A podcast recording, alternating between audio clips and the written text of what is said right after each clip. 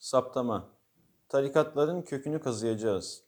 Kaleme alan İskender Cüre Din-siyaset ilişkisi İslam tarihinin erken dönemlerinden bu yana farklı şekillerde tartışıla gelen bir konu olduğu gibi alimler ile yöneticiler yahut sufiler ile yöneticiler arasında olan ve veya olması gereken ilişkinin mahiyeti de çok sayıda farklı görüşün tebarüz ettiği bir alandır.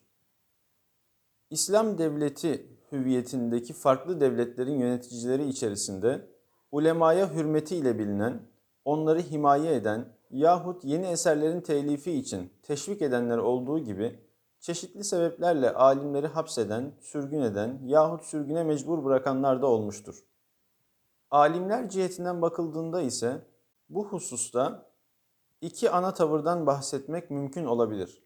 Bir kısmı, belki de büyük bir kısmı, son derece kaygan bir zemin olan siyasetle temas kurmaktan imtina etmiş ve yöneticilerle zaruret haricinde temas kurmamayı tercih etmişlerdir.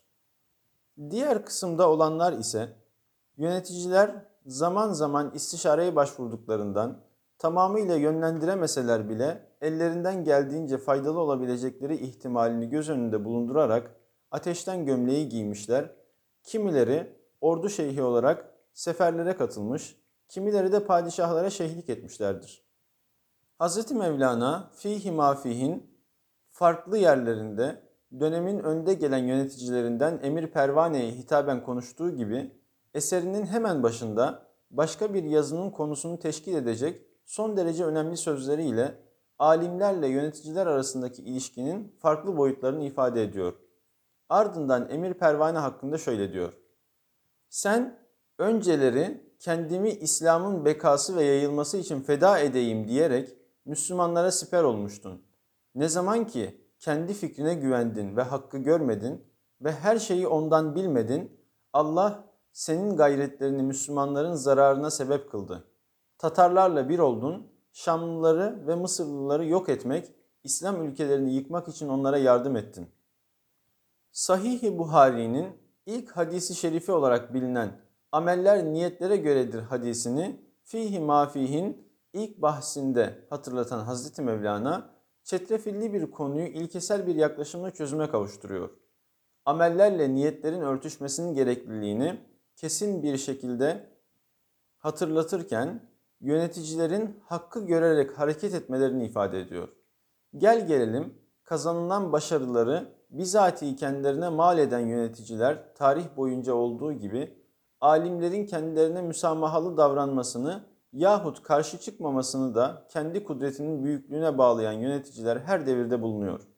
Günümüzün hezeyanlar içerisindeki bazı kimseleri de makam mevki sahibi olmakla her şeyi yapabilecekleri düşüncesinin bir yansıması olarak son derece iddialı şu söylemi benimsiyor. Tarikatların kökünü kazıyacağız.